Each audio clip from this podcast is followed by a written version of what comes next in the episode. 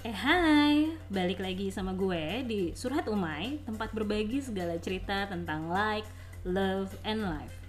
Kali ini gue pengen ngajakin lo semua berbagi cerita dan ngobrolin tentang perubahan dalam hidup. Buat gue sendiri, ngomongin perubahan dalam hidup rasanya butuh waktu berpikir yang lebih lama.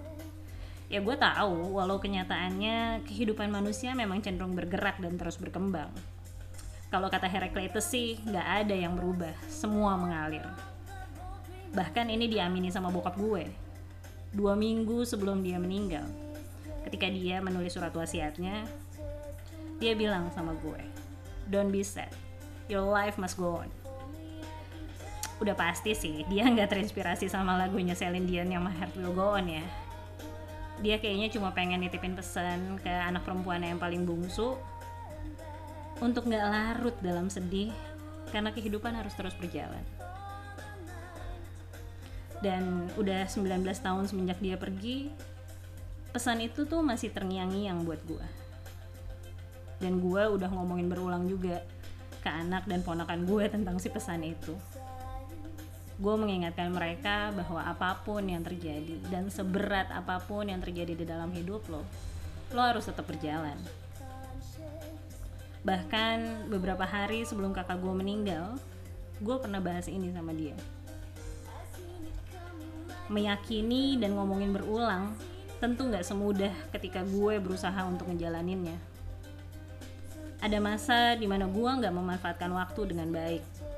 Padahal gue tahu kehidupan akan terus berjalan dan gak mungkin bisa diulang. Dalam proses itu ya udah pastilah banyak what if yang muncul. Banyak rasa sesal. Banyak pemikiran-pemikiran yang kalau aja gue bisa putar waktu.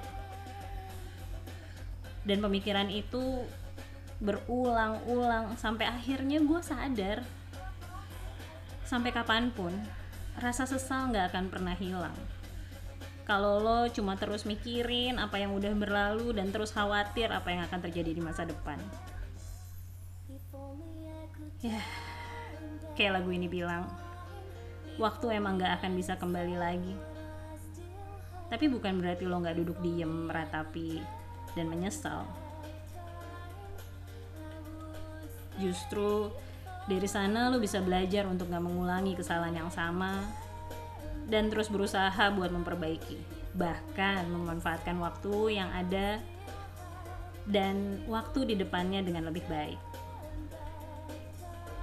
berdamai dengan waktu gak mudah buat gue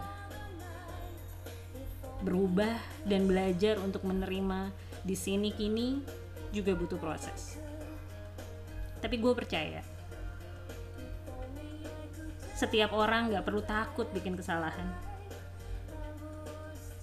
Dan kalau sekarang kita lagi ada di posisi salah bukan berarti ini akhir hidup kita. Karena gue percaya kalau kita bisa lebih reflektif dan menyadari kesalahan kita di masa lalu, maka setengah pintu, maka setengah jalan dari kesempatan untuk menjadi lebih baik tuh udah kebuka. Tinggal lo yang harus memilih apakah mau melanjutkan perjalanan yang setengahnya lagi menuju perubahan.